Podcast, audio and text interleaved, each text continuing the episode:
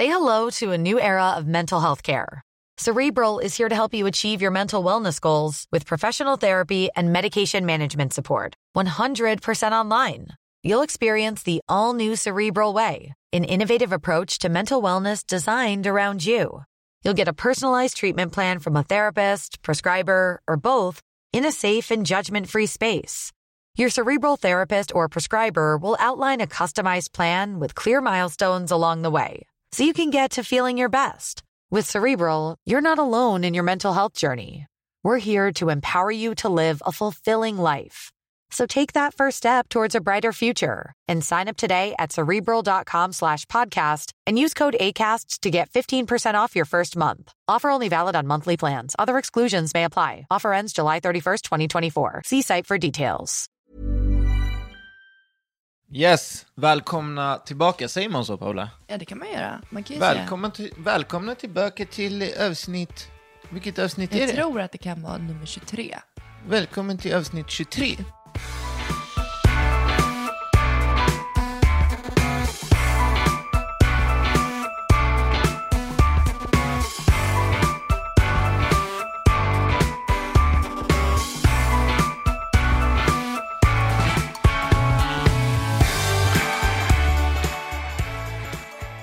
Vi har ju poddat nu. Vi började väl där typ någon gång, var det mars?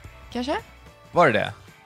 Känns som att vi har poddat jävligt länge i alla fall. Jo, men ändå så här in, att eh, du vet man ibland, jag såg att typ tvillingarna Lagergren, de hade sitt hundrade, de hade jubileum på sitt hundrade avsnitt. Ja, men det är ju sjukt. Manne och Nisse, de var ju uppe på typ så här 250 avsnitt. Och här Alltså sitter jag, vi med våra jag, är så här, jag är 23. så fascinerad nu när vi har kört ett tag. Eh, för att det är ju absolut inte, det är ju, alltså, hur ska jag förklara? Det är ganska svårt. Eller det är, eh, vad ska man säga, man vill ju ha bra avsnitt. Så man måste ju hela tiden, eh, alltså man måste ju hela tiden leverera. Ja, alltså, Och ibland så är man ju inte på Leverace-humör. Nej. Och sen dessutom så att du och jag ska prata med varandra som känner varandra så bra. Ja, f- Då kanske ja, man exakt. blir lite, lite döv för att man inte riktigt hör. Det kanske är ett, ett surr som vi har, kanske man bara okej de här människorna är helt sjuka i huvudet. Eller ja men det är lite kul att lyssna på. Ja, jag vet inte. Man vet inte. Men jag tänkte vi kanske ska börja bjuda in ju. Vi har ju snackat om det. Mm. Vi skulle jättegärna vilja, om ni kommer med lite förslag på eh, om vi skulle bjuda in lite gäster. Vad skulle ni vilja höra? Är det någon speciell person? Är det ett speciellt yrke? Att det blir lite som en intervjuform kanske, där man pratar om ett specifikt ämne. Det skulle vara jättekul tycker jag. Ja. Jag tror att det skulle vara kul för oss också. Ja, det tror jag också. Lite nytt blod. Ja. Men du, för jag tänker på mig själv, så här, hur jag är som människa. Jag satt och tänkte på det i bilen, att nu är det ju höst, typ officiellt. Och jag märker det i mig själv, att jag är en sån säsongsmänniska. På vilket sätt då? då? Att jag gör olika typer av saker beroende på om det är sommar, höst, vår eller vinter. Vad gör du nu då på hösten? Nej men typ så här barnen. Det, det enda jag vill är typ att vi ska hänga i skogen. För att jag tänker att vi ska plocka svamp och vi hittar aldrig någon svamp. Utan det är bara traskeri och så är det lite blåbär. Och eh, jag blir så här, jag vet inte, jag blir typ pysslig av mig. För jag är inte speciellt pysslig.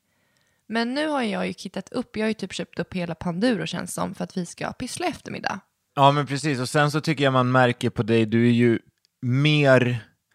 Alltså du har ju gått loss på kläder till barnen också. Så här höst, eh, olika typer av jackor och eh, det är en stickad jacka, det är en tjockare, det är en tunnare.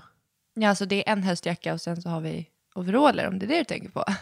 Ja, men jag tycker att du, eh, alltså nu börjar ju ditt vintertänk. Ja, jag är redan klar med barnens. För kära, exakt, det är det jag menar. Det och klart. det är ju så här, vem är klar med, med barnens eller ens egen vintergrejer i september? Fast jag tror att det är jättevanligt. Tror du? Ja, för att man, det är som man kanske vill komma över ett kap. Alltså det är dyrt med vi- alltså, Jo, men nu är det ju som dyrast att handla för vintern, för nu kommer ju hela allt Ja, det är därför jag tänker att man ska starta tidigt. För då kan det vara så att man kanske kommer över någonting på en loppis. Man kanske kommer över... Alltså om man väntar med allting till typ dagen innan.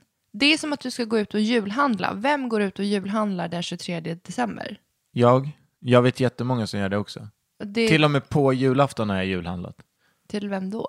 Ja, men typ till min bror. Nej men du är i god tid när det gäller sånt där. Ja, oftast. Men jag har, du vet så här små grejer. Man glömmer ju alltid bort om man ska, om man ska någonstans. Man vill ju aldrig komma tom. Alltså det, det, det känns som att man alltid glömmer någonting. På julen. Ja. Och handla. Men Som jag, man löser i sista sekund. Är det inte så? Jag vet inte, jag tycker typ att det är tvärtom. Jag tycker det är nästan så löjligt enkelt för att man typ, i alla fall jag, skriver lister. Och då bara bockar jag av de där listorna så att det är väldigt svårt att missa någonting. Om det inte är så att man kommer på någonting spontant. Jag handlade i alla fall första julklappen igår. Ja, Till Molly. varför då? De kom ju och knackade på så här jul... Så här pojkar som säljer... Skoltidningar, Ja, nej, vad heter det? Jul... julkalender. julkalender eller ja men de har ju så här ja. och sen så du vet alltså så jag, jag när folk kommer hem till mig knackar på eh, är unga och visar att de alltså klockan var kvart i nio eh, och de har hållit på hela kvällen för att de ska i slutändan du vet man, man får någonting som man, jag tror inte man kan tjäna pengar men man kan tjäna någon tv eller något så här. Det där uppmuntrar jag. Jag tycker att det är så jävla häftigt. Det är fint. Ja, så så då, då, alltså de blev ju helt, de började nästan grina när, när de gick från mig liksom. Ja, men det var inte som där när den där andra fotbollsföreningen kom med toapapper. Jo, jag köpte lika mycket igen. Det, fast det kan inte hända. För vi har då, här, vi, jag tror att vi har berättat om toalettrullhistorien när Hugo köpte upp halva lagret med toalettpapper. Ja, men jag handlade för lika mycket pengar nu. Men nu var det ju, alltså jag handlade i Guinness rekordbok till Molly, hon tycker att det är kul att titta på sådana här häftiga grejer. Ja. Och så handlade jag massa andra böcker. Så att det blev ju, och jag såg när jag stängde dörren, vi har ju ett fönster.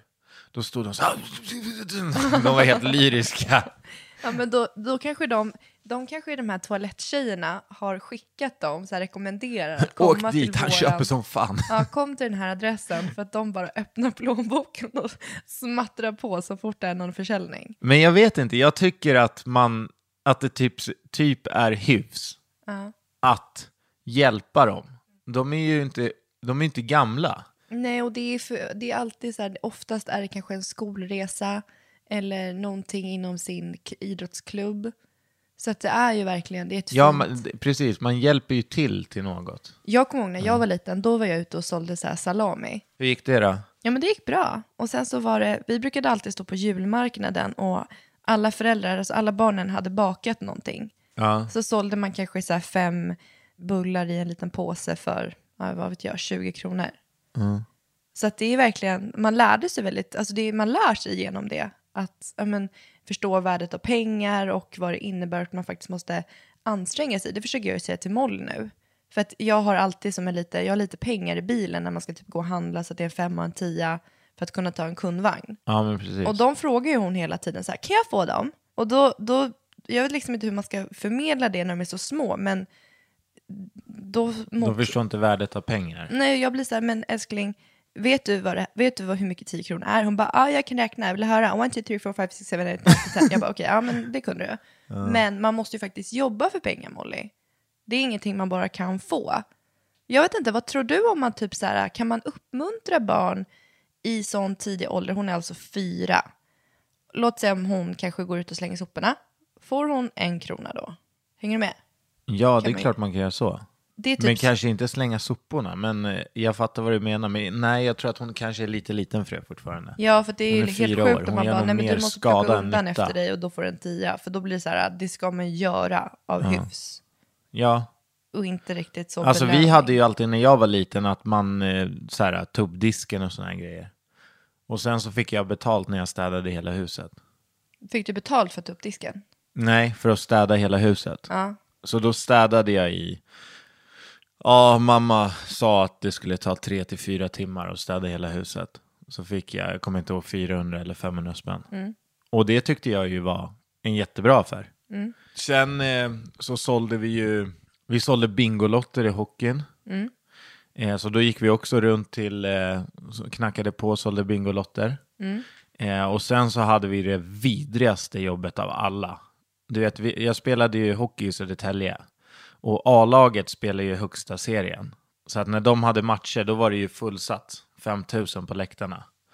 Vi städade läktaren efter varje A-lagsmatch. Vadå, var det typ massa chips och korv och... Men tänk dig en hel läktare där det har suttit 5000 pers. Ja. Ja, ja. Det var väl bara att kavla upp armarna och get to ja work men det then. var ju fan, det var jobbigt. Ja.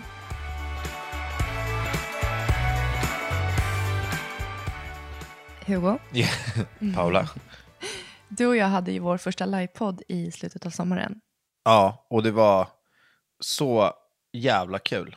Det var fruktansvärt kul. Jag levde på den här ruschen i typ två veckor och vart så besviken nästa gång vi skulle podda i vårt lilla kontor igen. Ja, Det var ju den här när jag annonserade ut i, i Älvsjös tidning, så här, vi har tre platser här, vi har ett köksbord, vill någon komma och lyssna på när vi poddar? ja men precis. Men eh, nu är det ju dags igen. Precis, vi kör vår andra livepodd nu redan den 27 september och det här gör vi i ett samarbete tillsammans med Babyshop. Ja, och det kommer bli hur kul som helst. Vi kommer hålla till i Baby Shops butik inne i Sturegallerian. Och biljetten kostar 150 kronor. Det som är, är att det är begränsat antal platser. Så det är enbart 35 platser. Och biljetterna kan man köpa enbart inne på din blogg. Precis, vill du ha en biljett så går du in på paulas.me och den kostar som sagt 150 kronor. Men i de här 150 kronorna så får du väldigt mycket valuta. Du får en goodiebag med ett värde av 1500 kronor. Och jag har ju fått se vad det är i den här goodiebagen. Alltså man vill inte missa den. Den är Okej. så bra. Till och med jag, jag bara, åh herregud vad bra det här är. Och jag tyckte ju att det var så nice att ingick frukost. Ja, det är inget frukost, absolut. Det, tanken är ju att det här är ett litet intimare morgonevent tillsammans med oss i form av en livepodd. Och eh, temat kommer vara det första året, så vi kommer egentligen delge alla de här roliga historierna om verkligheten. Hur är det att ha en bebis? Ja, och det känns ju som att det finns en del historier kring det. Ja, och på plats så kommer vi även ha våran förlossningsbarnmorska Jasmin. Hon var dola på vår förlossning med Leonor. Så att vi kommer ha, det kommer vara bra snack, det kommer vara spännande snack. Så att missa inte det här och gå in på min blogg paulas.me för att läsa mer och eh, ta del av din biljett. Och det är som sagt endast 35 personer som kan komma på, det här, på den här livepodden. Grymt! Tillbaka till det här då att jag känner att jag är en säsongsmänniska. Nu är det höst, jag vill gärna hänga i skogen, jag vill gärna pyssla. Jag skulle gärna se att vi typ åt någon sån här mustig köttgryta som har kokat i typ tre timmar. Okej. Alltså s- jag är i det modet. Ja. Känner du av det? Alltså jag känner ju inte av ett skit. Vad känner du i dig då? Nej, jag känner mer bara att eh, ingenting. Nej, jag, Är du som en vattenpöl? ja, lika djup som en lika djup som en vattenpöl. Nej, men jag, nej, jag känner absolut inte som du gör. Nej, Jag är inne, jag, i alla fall, jag har ett bra höstflow nu. Jag känner bara att jag, jag skulle vilja ha, jag ska upp på vinden för jag har alla mina höstjackor där uppe och så har jag mina, mina stövlar. Ja. Jag, måste, jag håller på att liksom transformera mig in i hösten. För vi har gått ifrån ja, men det som att man vill gå ut i skogen, sommaraktiviteter, då vill man ju gå och bada, man vill gå och cykla, man vill ha flip-flop, man vill ha shorts. Jag har liksom börjat, jag har tagit undan allt det för att ta in det här nya. Men alltså det, det känner jag ju att man har ju kommit igång efter sommaren. Mm, det är Det igång var ju ett tag där man bara var i en jävla mellanläge. Vädret kom tillbaka, man fick feeling, det var 20 grader och sol helt plötsligt. Och nu känns det som man har kommit in i en ny andning liksom.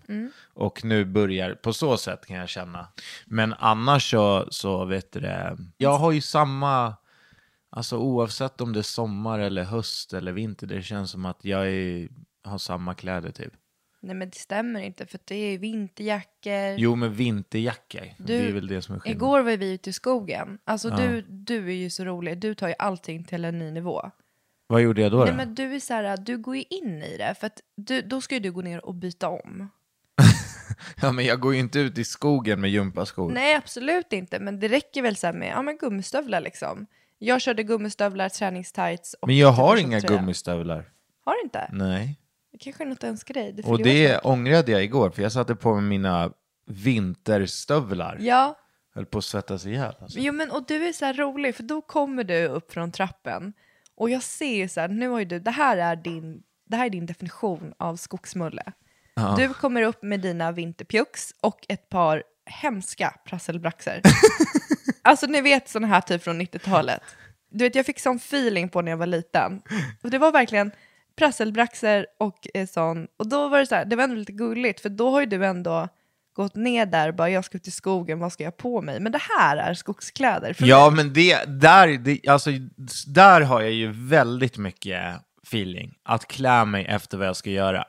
Ska jag på ett sportevent, då sätter jag på mig min sportklocka och Alltså, så där är jag väldigt, väldigt, väldigt noggrann. Jag tycker att det är väldigt viktigt att anpassa sig efter vad man ska göra. Ja. Så ska du åka skidor, då ska du fan ha skidkläder på dig. Du kan inte komma med snowboardkläder när du ska åka skidor eller Finns det skill- är det skillnad på det? Ja, det är stor skillnad. Och du kan inte komma med en vinterjacka när du ska åka skidor heller. Du ska ha skidkläder. Ska du till stranden, då ska du ha badbyxor och inte sommarbyxor som du kan bada i. No shit Sherlock. Ja, Alltså, men du fattar du vad jag menar? Ja, men det var inte alltså det, jag tror att alla känner så liksom. Men det var väldigt gulligt just det att du skulle ut i skogen Ja, igår. det var gulligt. Alltså du hade lika väl bara kunnat haft ett par mjukisbyxor. Ja, men går man in i det där, ja, då blir ju, då blir ju det bättre i skogen. Ja. För då är man inte rädd för att...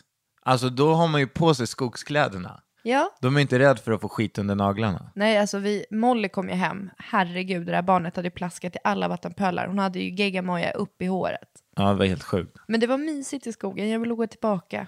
Ja, det var faktiskt mysigt. Mm. Jag tyckte det var mysigt med mackorna. Det var mysigt med matsäck. Men eh, vad, vad har vi gjort sen vi spelade in sist? Eh, vi har varit iväg, vi har varit i Finland i helgen. Vi har ju ett samarbete tillsammans med Silja Line och eh, nu har vi spelat in ytterligare en film och vi har ja, men gått in på en liten annan vinkel i samarbetet. Att man faktiskt kan unna sig någonting som vuxen.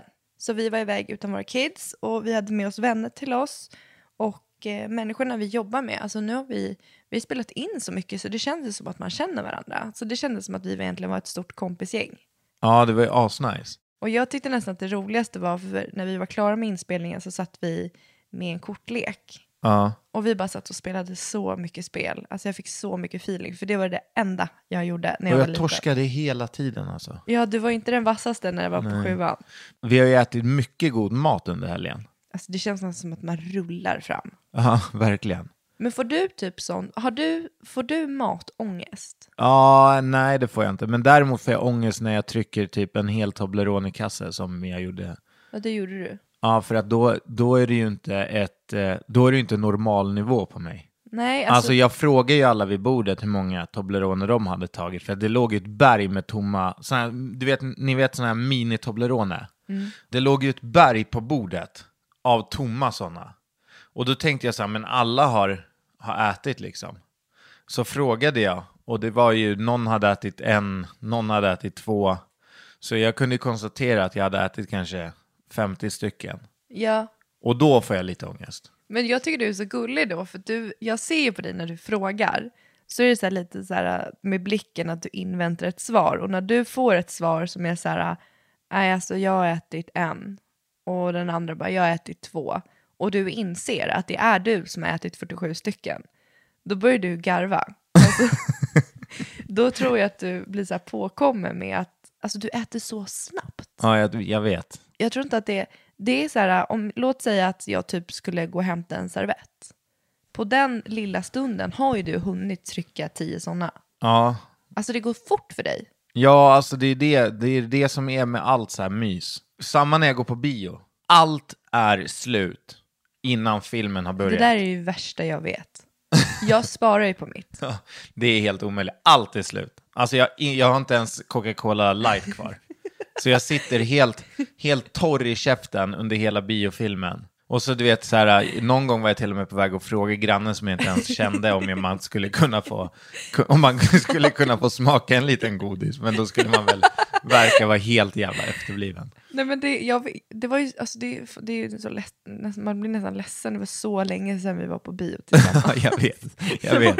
Men alltså det är, ju, 2014? det är ju, grejen är så här, när man väl har möjlighet att gå på bio, det är inte så att man går på, alltså då väljer man ju inte att gå på bio. Du menar när man har chansen till barnfritt? Exakt, Så då är väljer man ju inte att gå på bio. Men varför inte? För det är typ det, låt säga så här att man går ut och äter en bra middag, man Ja. går och ser en bra film. Inte det mycket mer så här att man kommer hem rikare än om man går ut och typ men jag vet inte vad man gör, bara bränner massa pengar på annat, då kommer man ju hem bara tom. Ja, jag vet inte. Men varför gör vi inte det då? Vi har ju inte gått på bio på jag vet inte hur länge. Nej men det är det jag säger, det var det som var så deprimerande när du började prata om bio, för att det var ju typ på riktigt 2014 som vi var på bio sist. Ja, det var nog det. Men du, jag vill komma in på den här um, bast... Vi besökte ju... Vad fan hette det? Löjlu. Öj, lö, löjlu. Löjlu. Istället för så här, här i Sverige har vi ju span. ja. Och då kan man betala pengar för att bada i varma källor och njuta av det. I Finland, där har de, där har de bastu. Ja, men det är ju ganska kul. Men det är verkligen den finska kulturen. Ja, och jättefint ställe, precis vid havet.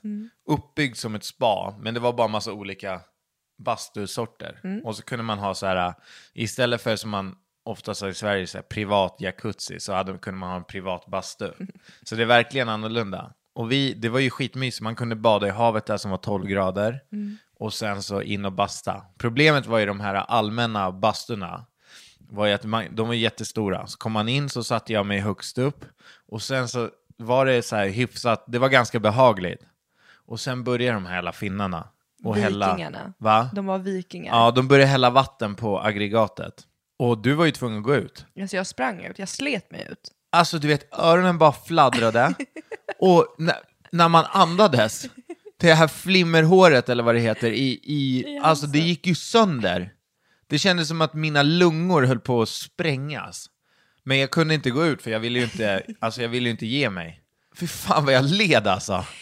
Och jag hade ett halsband på mig, jag hade på mig ett guldhalsband. Ja, det brände som fan. Ja men du vet det bara började bränna och det kändes typ som att ögonlocken höll på att falla av. Det blev sån, det vart sån slående värme som, Men de slutade ju inte hinka på vatten heller. nej men och så sitter de där bara ja, ja, ja. Ja, Och helt typ oberörda. Jag kved. men vägra fråga, bara har vi några turister här inne? Nej men de bara kör, de Ja. bara smackar på. Men det var ju i den andra, var det, ju, det där var ju i den där vikinga, det var en som var helt kolsvart. Jag, var ju, jag gick in och så vände jag ut för det var så varmt. Men i den andra var det ändå så här väldigt härligt. Och så kom det ett sånt där jon som smackade på typ fem skopor. Och alla vi satt och kved. Nej men då lämnar han bastun. Ja, just det, han gick. Va, vem gör så? Ja, men han ville bara visa. Nej men det, han kommer in och gör kaos i hela bastun. Får alla att dö. Men sen så vänder han och går ut själv. Men det var ju det var ju väldigt eh, trevligt och fint. Mm, det var faktiskt kul.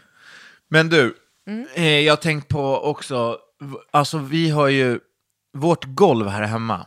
Nu har ju jag beställt, du vet ju inte om det här, men vårt golv i köket och det, det blir ju så skitigt. Så att här är, om eh, två veckor så kommer de och ska lacka hela golvet. Vänta, du byter ett golv för att du tycker att det blir skitigt. Har du testat att städa? Nej men foge, du vet ju själv, fogarna är ju, Du blir måste så här... ju utveckla det där, för det låter ju bara... Ja, alltså vi, vi har ju gjort en behandling på vårt golv och fogarna samlar på sig massa smuts. Så golvet blir ju jättefult. Men jag kan känna då, då kan jag känna att det kanske är företagets fel. Eller? Ja, alltså jag har ju pratat med dem. Ja, om, om det är så att det Och är de- deras jobb har gjort att det på något sätt påverkar. Ja, och jag har ju pratat med dem och det är ju tillsammans med dem jag har ju har kommit överens om det här. För att de har ju eh, också, de, de de är också så här supermedgörliga och de förstår inte vad det är som händer. Varför det blir så här just hos oss. Alltså att... ehm, Fogen står ju typ utanför Ja, men så här, fogen som är mellan plankorna, Mm. den ska ju inte samla på sig smuts och den ska verkligen inte vara kladdig. Nej, den är Eh, båda. och det är den hos oss. Man fastnar ju med strumporna och det fastnar skit. Mm. Så att hela golvet ser ju smutsigt ut, även fast det inte är det. Mm. Så det är därför, det, det, vi kan inte ha det här golvet. Nej, men det är helt okej om du känner att du har en bra dialog med dem. Och, Ja, för att nu- jag vill bara säga, det här är tredje gången de kommer. jag vet. Men Hur nu kommer vi göra in, om eller? allting. Och vi kommer vit, eh, köra en vit målarfärg, vit lack. Blir det bättre då? Det kommer, jag, alltså i mitt huvud så kommer det bli hur snyggt som helst. Vi ska inte bara byta ut plankor. Nej, men det är ett jätteprojekt. Okej. Men det jag tänkte på, ska man, har du sett svart golv någon gång? Ja. Det är ju också jättesnyggt. Ja. Tror du att det skulle passa här? Jag vet inte. Jag tror inte att det, vi har inte så mycket svart. Då skulle man kanske ha en, helt, en liten annan inredning. För då tänker jag att man ska ha bara vitt överallt annat. Kolla, jag kommer göra så här. Jag kommer ta en bild på det här på golvet. Och sen så kommer jag lägga ut det på min blogg. Så att eh, nu när ni hör det här så kan ni gå in och kolla, så kan ni hjälpa oss. Om vi Vitt eller vitt svart. eller svart. Vitt eller svart. Vitt eller svart. Har du någonting du vill prata om? Ja, alltså jag tycker det är lite kul. Alltså, vi har ju lite internskämt med våra vänner Ja. om det här med wife swap. Aha. Och det är ju jävligt kul att snacka om. Men sen så började jag prata om det, för att, du vet så här, swingersklubbar. Det finns ju faktiskt par som går på swingersklubbar tillsammans. Men det är väl ganska vanligt? Jo, men det vill jag diskutera. Ska du och jag göra det eller? Jag tror att jag, jag skulle aldrig kunna göra det med dig. Nej. Alltså det, det skulle inte hända. Alltså jag skulle ju bli avundsjuk. Om jag bara stod och bara äh. Ja men alltså jag skulle, jag skulle, ju, jag skulle ju typ bli så här. äh, men jag skulle typ gå. Jag vet inte, jag skulle aldrig klara av att se dig i en sexakt med en annan människa. Alltså om du Nej, skulle, skulle hålla på och kyssas med någon, jag skulle bara vara, alltså jag vet inte, är det för att man är underutvecklad empatiskt? Alltså om man går på swingersklubb då måste man ju vara övervecklad. Vad menar du? Nej men att de har så stort sinne liksom. Ja, jag antar det. Alltså, jag tror att man, är, att man är av den personligheten där man känner så här att vi människor är inte gjorda för att vara låsta till en och samma människa. Jag tror att man är mer... Man kan väl dela sig på något annat. Alltså, du och jag är inte låsta till varandra mer än i den, alltså så. Man kan ju dela sig med andra via andra typer av sammanhang än att ligga med någon. Man Ja, kan ju dela alltså- vänskap, man kan ju dela kärlek med andra. Hänger du med? Ja, men eh, alltså jag, jag förstår de som gör det också. Samtidigt som jag själv inte skulle klara av, precis som du säger, jag skulle inte klara av det. Men jag förstår de som gör det, för jag har ju i min, alltså i min bekantskapskrets, Sk- Du skämtar med mig. jag skämtar inte, Vem är det här? Nej, men, det kan jag ju inte outa förstår du väl. Men Hur alltså då, kan du inte då har ju jag alltså fått höra lite. Jaha, och berätta. Och eh, då, då kan det ju vara så här också att eh, killar kommer dit med sina tjejer. Ja. Och då kan det också vara så här att killarna snackar där på klubben och så kan det vara så här, men jag får inte min, jag får inte min tjej att komma. Ja, och då kan det ju vara så här, Att pappan i gänget liksom. Ska lära Ja, typ. men då ska jag, då ska jag visa dig hur du gör.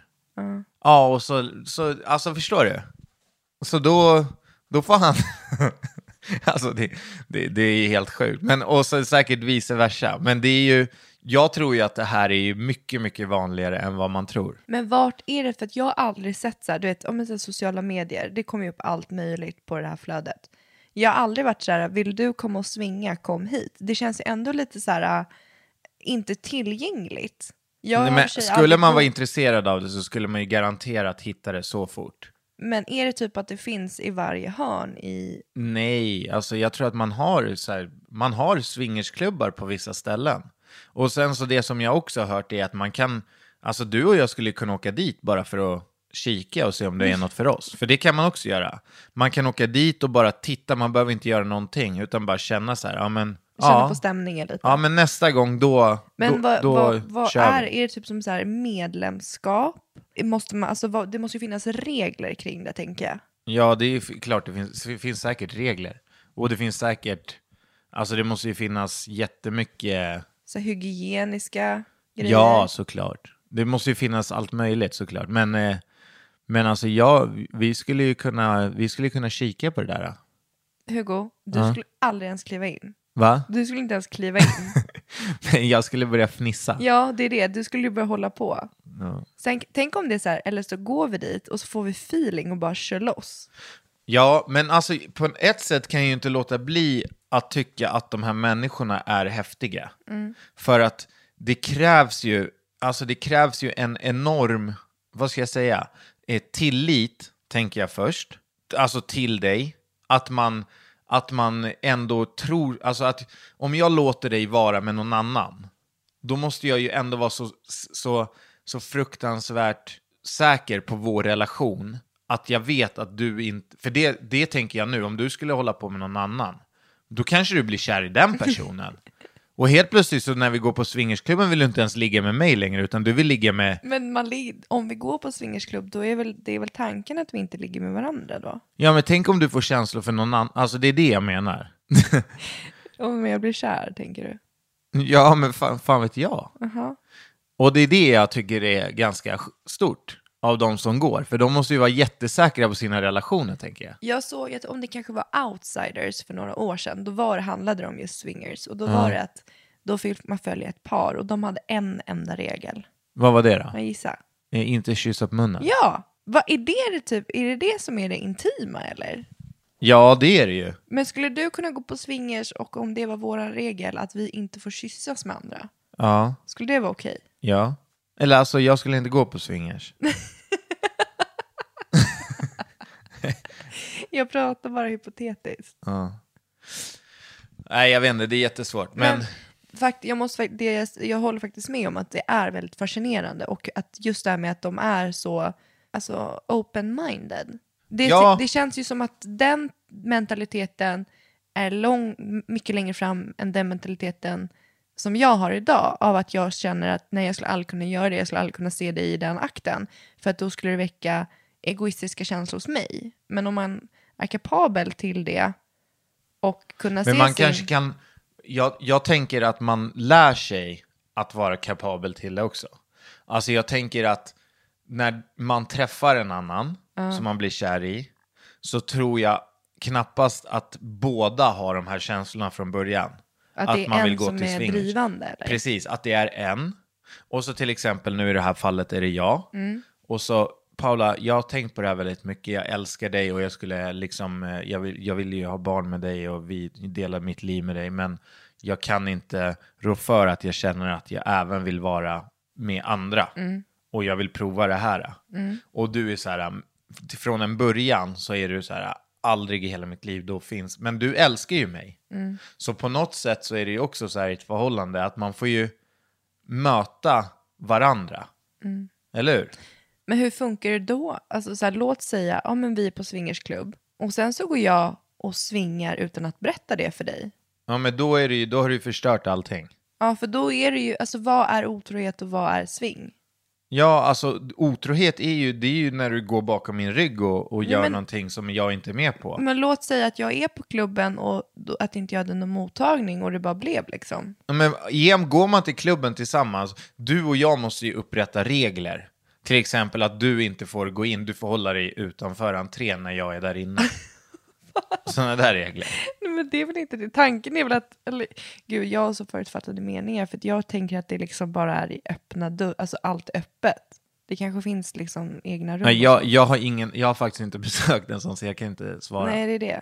Men det kanske är någon som lyssnar på det här som håller på med att svinga. Alltså jag skulle faktiskt tycka det var sjukt kul att träffa någon. Vadå, vill du träffa någon annan? Nej, som, alltså jag tycker det är så spännande för jag tycker att det är fascinerande men jag känner också att det är superläskigt för att jag är så i mitt eget tankesätt så långt ifrån. Men tänk om du träffar någon som berättar och så du, sen så efter det så bara, kom, då har du varit på lunch med den här personen och ni har käkat lunch några gånger och snackat så här.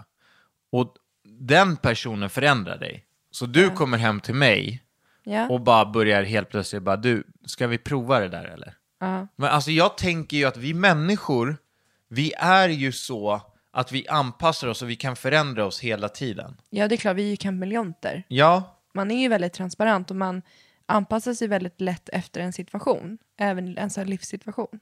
ja nej men intressant. Och det var då tanken av det här med att vi har de här interna skämten med våra vänner om eh, Y-swap. Du Hugo, Ja, jag kan ju fortfarande inte släppa det här. vadå? Nej, men när vi var på kryssningen, bara för att alla ska få en bild. Vi sitter och har precis spelat in en sekvens. Alla är lite lediga. Vi ska äta middag. Vi sitter på en jättetrevlig restaurang. Alla har vin i glasen. Det är skön stämning och vi börjar så här, äh, droppa lite historier för varandra. Och då berättar Hugo den sjukaste historien. Så att ni vet, det blir helt tyst kring bordet. David, våran kompis, han har väldigt lätt till skratt och han, är, han, är, han, har, han har levt rövare i sitt liv. Och eh, när jag sitter mitt emot honom och ser hans reaktion när Hugo berättar sin historia. Men det var ju då jag också fattade att det kanske var lite för sjukt. Alltså kan inte du berätta det här? För jag, jag skrev lite om det på bloggen men jag var så här, det är inte min sak att berätta. Nej, men jag kan inte berätta det. Men alltså det är typ, du måste typ berätta det här. Ja, men är du säker på att jag kan det? Alltså jag säger bara, ja alltså du, det, det, du måste berätta vad, vad som hände. Ja, alltså, ja, skitsamma. Kör. Vi, vi, det började ju med att vi snackade om så här, det var ju någon som frågade bara, har du haft något jobb i alltså, Ja, vad du har jobbat med. Ja, vad jag har jobbat med. Och då, då droppade jag ju, det var ju första överraskningen, då droppade ju den att jag har ju faktiskt jobbat på ett eh, sjukhem, ett äldreboende. En sommar när jag skulle, eh, jag skulle till Sunny Beach, mina kompisar och jag behövde pengar liksom. På det här sjuk, sjukhemmet då så, så bodde det jättemånga fina äldre människor som jag älskade och alltså gjorde allt för. Och sen bodde det en person, en hen, som inte riktigt skulle bo där. Det var bara så att samhället hade inte hittat en vettig plats åt den här personen. Eh, den här personen var, vad ska man säga, hade lite, inte, alltså inte alla hästar i stallet. Och jag hade Tourettes. Och jag på den här tiden var ju ung och väldigt liksom, eh, alltså, det, jag, jag tände ju till väldigt fort. Var du lättretad? Ja, lättretad. Och den här personen kunde alltså reta gallfeber på mig. Och jag var inte riktigt kapabel till att se att den här personen är ju faktiskt sjuk. Jag kan ju inte ta, alltså Du hade inte hänsynen inför det? nej. eller? Så att när den här personen kallade mig könsord dag efter dag, och du vet, alltså personen visste ju vad den skulle trycka på också. Var det bara mot dig då eller? Nej, men mot alla. Men han, alltså personen hade ju olika sätt att angripa olika människor. Så mot mig så hade den ju ett sätt liksom. Och sa precis rätt grejer som, och du vet, jag svalde, svalde, svalde. Sen så en kväll så, du vet, jag bara, då skulle jag lägga hen och så började den skrika massa jävla könsord och grejer. Och jag bara, "Aj, nu, nu får det fan vara nog alltså. Så jag gick in, stängde dörren till, till personens rum och eh, personen har klagat om en, det är nu det, det sjuka kommer, om en, eh, har klagat om en stor pormask som, som hen har på ryggen. Alltså den, den tycker att den är, är irriterande och gör ont och vill att vi i personalen ska ta bort Men den. ingen ville ta bort den eller? Alltså nej, det var liksom lite för, för mycket. Var det, var det... Men nu kände jag så här var att jag så var, arg. hade så mycket jag hade så mycket aggressioner i mig, så att om jag inte skulle göra något dumt, då kunde jag i alla fall, för det gör ju ont att klämma ut en pormask, då tänkte jag så här, ja, men ska vi ta bort den där pormasken nu då? Ja, svarade liksom personen. Jag satte på mig gummis, gummihandskarna, gummistövlarna, och sen så, du vet, alltså, jag gick loss på den där pormasken. Jag dör, det är så äckligt att jag Men- är påkväm.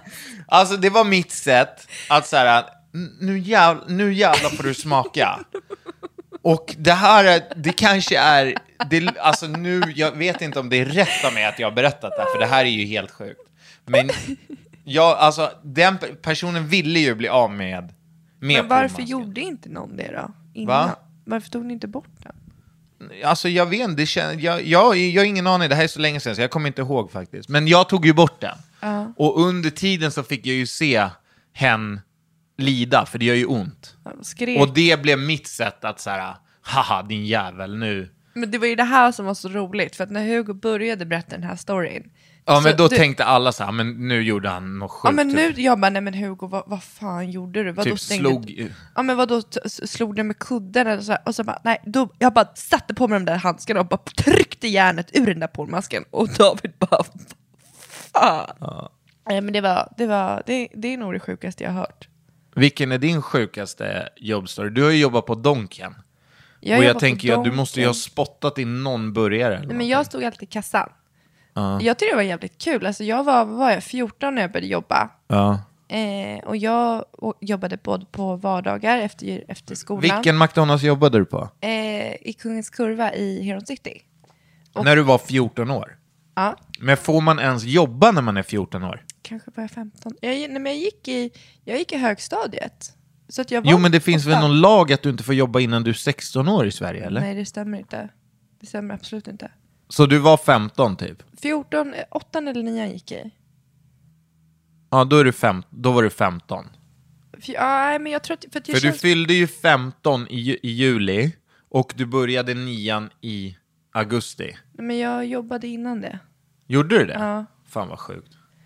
Nej, men jag tyckte det var jäkligt, jag, hade, alltså jag lärde mig jätte- jättemycket av att jobba på McDonalds. Alltså man fick lära sig att samarbeta, man fick lära sig att ta order, alltså ifrån arbetsledarna.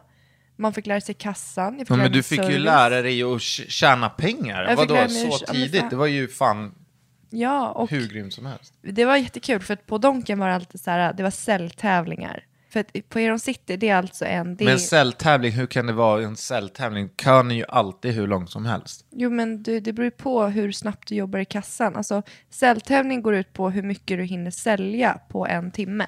Är det sant? Ja. Aha. Och eh, det, lagledarna märkte ju att vi gick igång på det. Alltså när det var tävling, alltså du vet, jag klarar inte av det där. Jag tappar ju det. Ja. För att jag, jag är som vinnarskalle. Så att eh, du kunde ju få så här, ja, men låt säga fem menyer. Och det, det, det var, det var, vi hade en klocka innanför så jag kunde se sekundvisaren hur lång tid det tog för mig. Och alltså mina beställningar, jag var klar under minuten varje gång. Och jag vann ju alltid de här säljtävlingarna såklart för att jag inte klarar av att inte vinna. Och eh, på Heron City, jag tror att under en timme så sålde jag för 4 000 som max. Så ja, att det... är svårt att relatera, men det låter ju sjukt mycket. Ja, och eh, Donk, alltså det i Heron City, det är ju alltså en bio, biograf, eller en biograf ovanför. Så att när det var premiärer så var köerna, alltså de var ju typ milslånga Men då måste du ju ha varit helt, du måste ju varit älskad som anställd. Ja, ja, gud ja. Alltså jag har en fråga, eller jag har två frågor. Eller Mm. jag har, ja, jag har en fråga, men, och sen så så här, kan du, skulle du kunna tänka dig mig, mig jobba på McDonalds? Alltså med min, med min klumpighet. Du vet, för jag ser ju, det, jag har alltid tänkt på det, och det här kommer till min fråga. Varför glider alla anställda som att de åker skridskor inne på McDonalds? Men man har sådana skor, man har ju speciella skor som är... Så man ska kunna glida? Ja, alltså det är, det är lite slippery. För det är så jävla coolt. Bara, ja men jag ska ha läsk, så bara shh. Ja. Och där tänker ju jag att, där hade det inte gått så bra för mig. Alltså det- det som är med dig, för att man är ju i kassan så kanske man är i alla fall 8-10 personer. Ja. Det är där det skulle gå fel för dig, för du skulle ju välta in i alla andra, krocka, tappa din, den, lä- om du har tre, om du balanserar tre läsk mellan händerna så skulle du lätt gå in i någon annan. Men det är ju, alltså McDonalds är ju, vi kollade ju på The Founder. Den kan jag ju rekommendera till alla er som lyssnar på det här.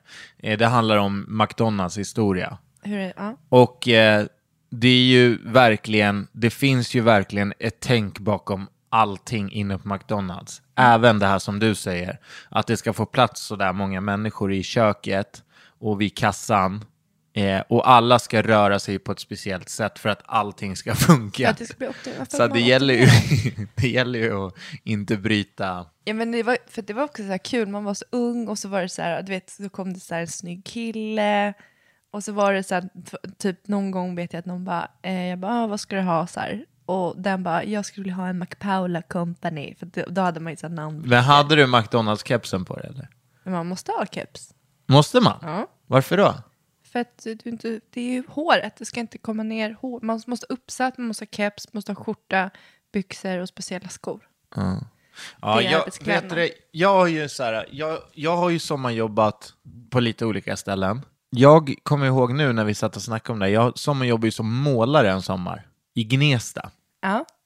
Det är ju, by the way, kanske det absolut tråkigaste jobbet jag haft i hela mitt liv. Men var inte det jätteharmoniskt? Bara få stå och måla? Alltså Paula, man tror att bara, det här kommer bli rätt soft. Jag ska måla en hel sommar. Vad målade du? Eh, fasader. Husfasader? Husfasader. Ja, privatpersoners? Ja. Vet du, först ska man skrapa bort färgen som ligger på, som är innan. Och gammal färg spricker. Så man står med en sån här skrapa och skrapar och skrapar och man får skiten i munnen och du vet, man bara skrapar, alltså dagen är ända. Och sen så är målargrejen några dagar. Men det är, alltså måleri består ju av skrapa. Ja.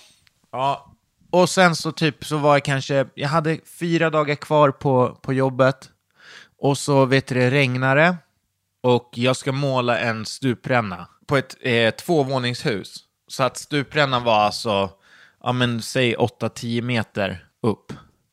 Så att jag eh, sätter fast stegen och sen så kollar jag ner i botten. Jag bara, ja, men det, det är nog lugnt. Och sen så går jag upp med, med en färghink och penseln.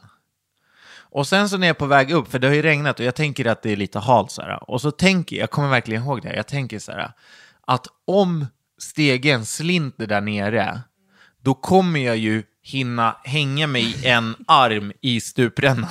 Men gud, det är ändå så här, men det är bra, vet du, de som tänker på sådana här nöd, nödutgångar eller nödut, alltså om det skulle bli, Ja, de tenderar att överleva.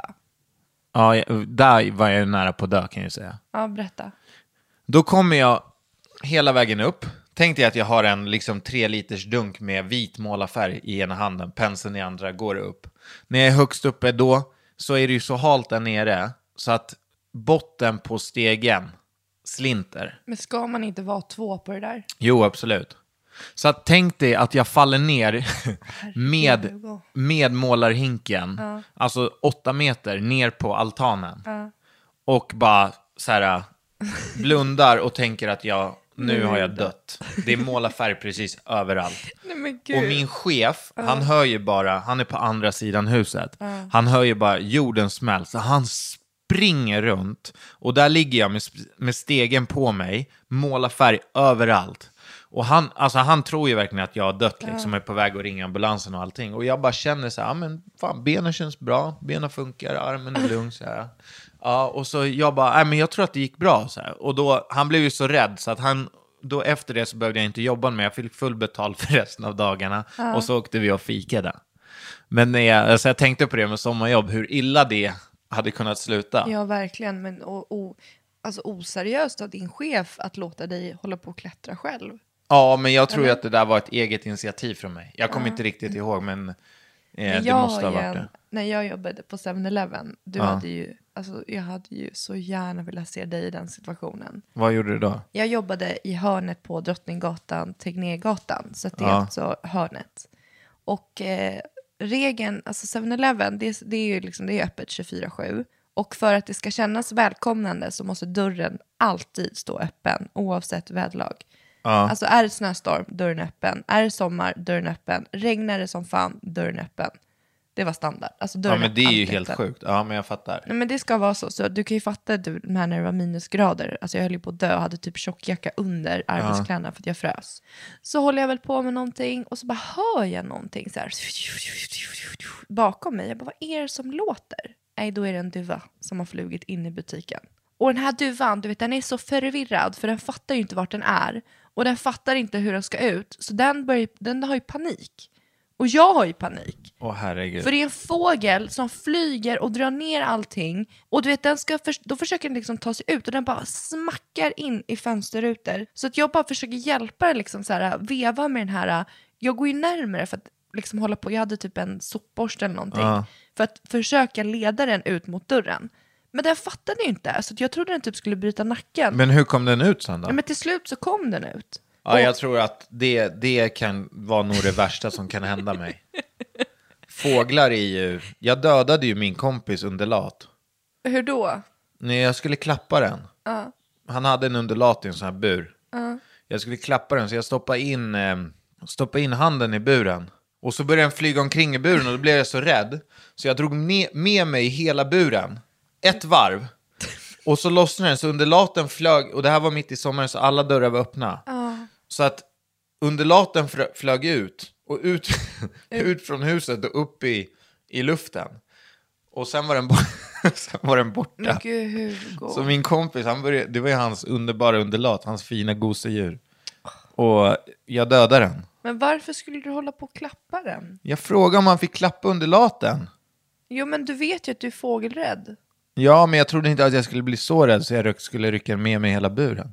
Men då vet vi att vi aldrig ska skaffa en fågel till barnen. Nej, det ska Det vi inte göra. sånt. Ja. Men du, det här är ju bara massa stories hela tiden. Nu går vi in på fem snabba. Jag kör igen, Jaha, by the way. du vill köra till mig? Ja, eller har du fem snabba till mig? Nej, inte så uppskrivna. Så kör du om du har. Ja, men jag kan lika gärna köra.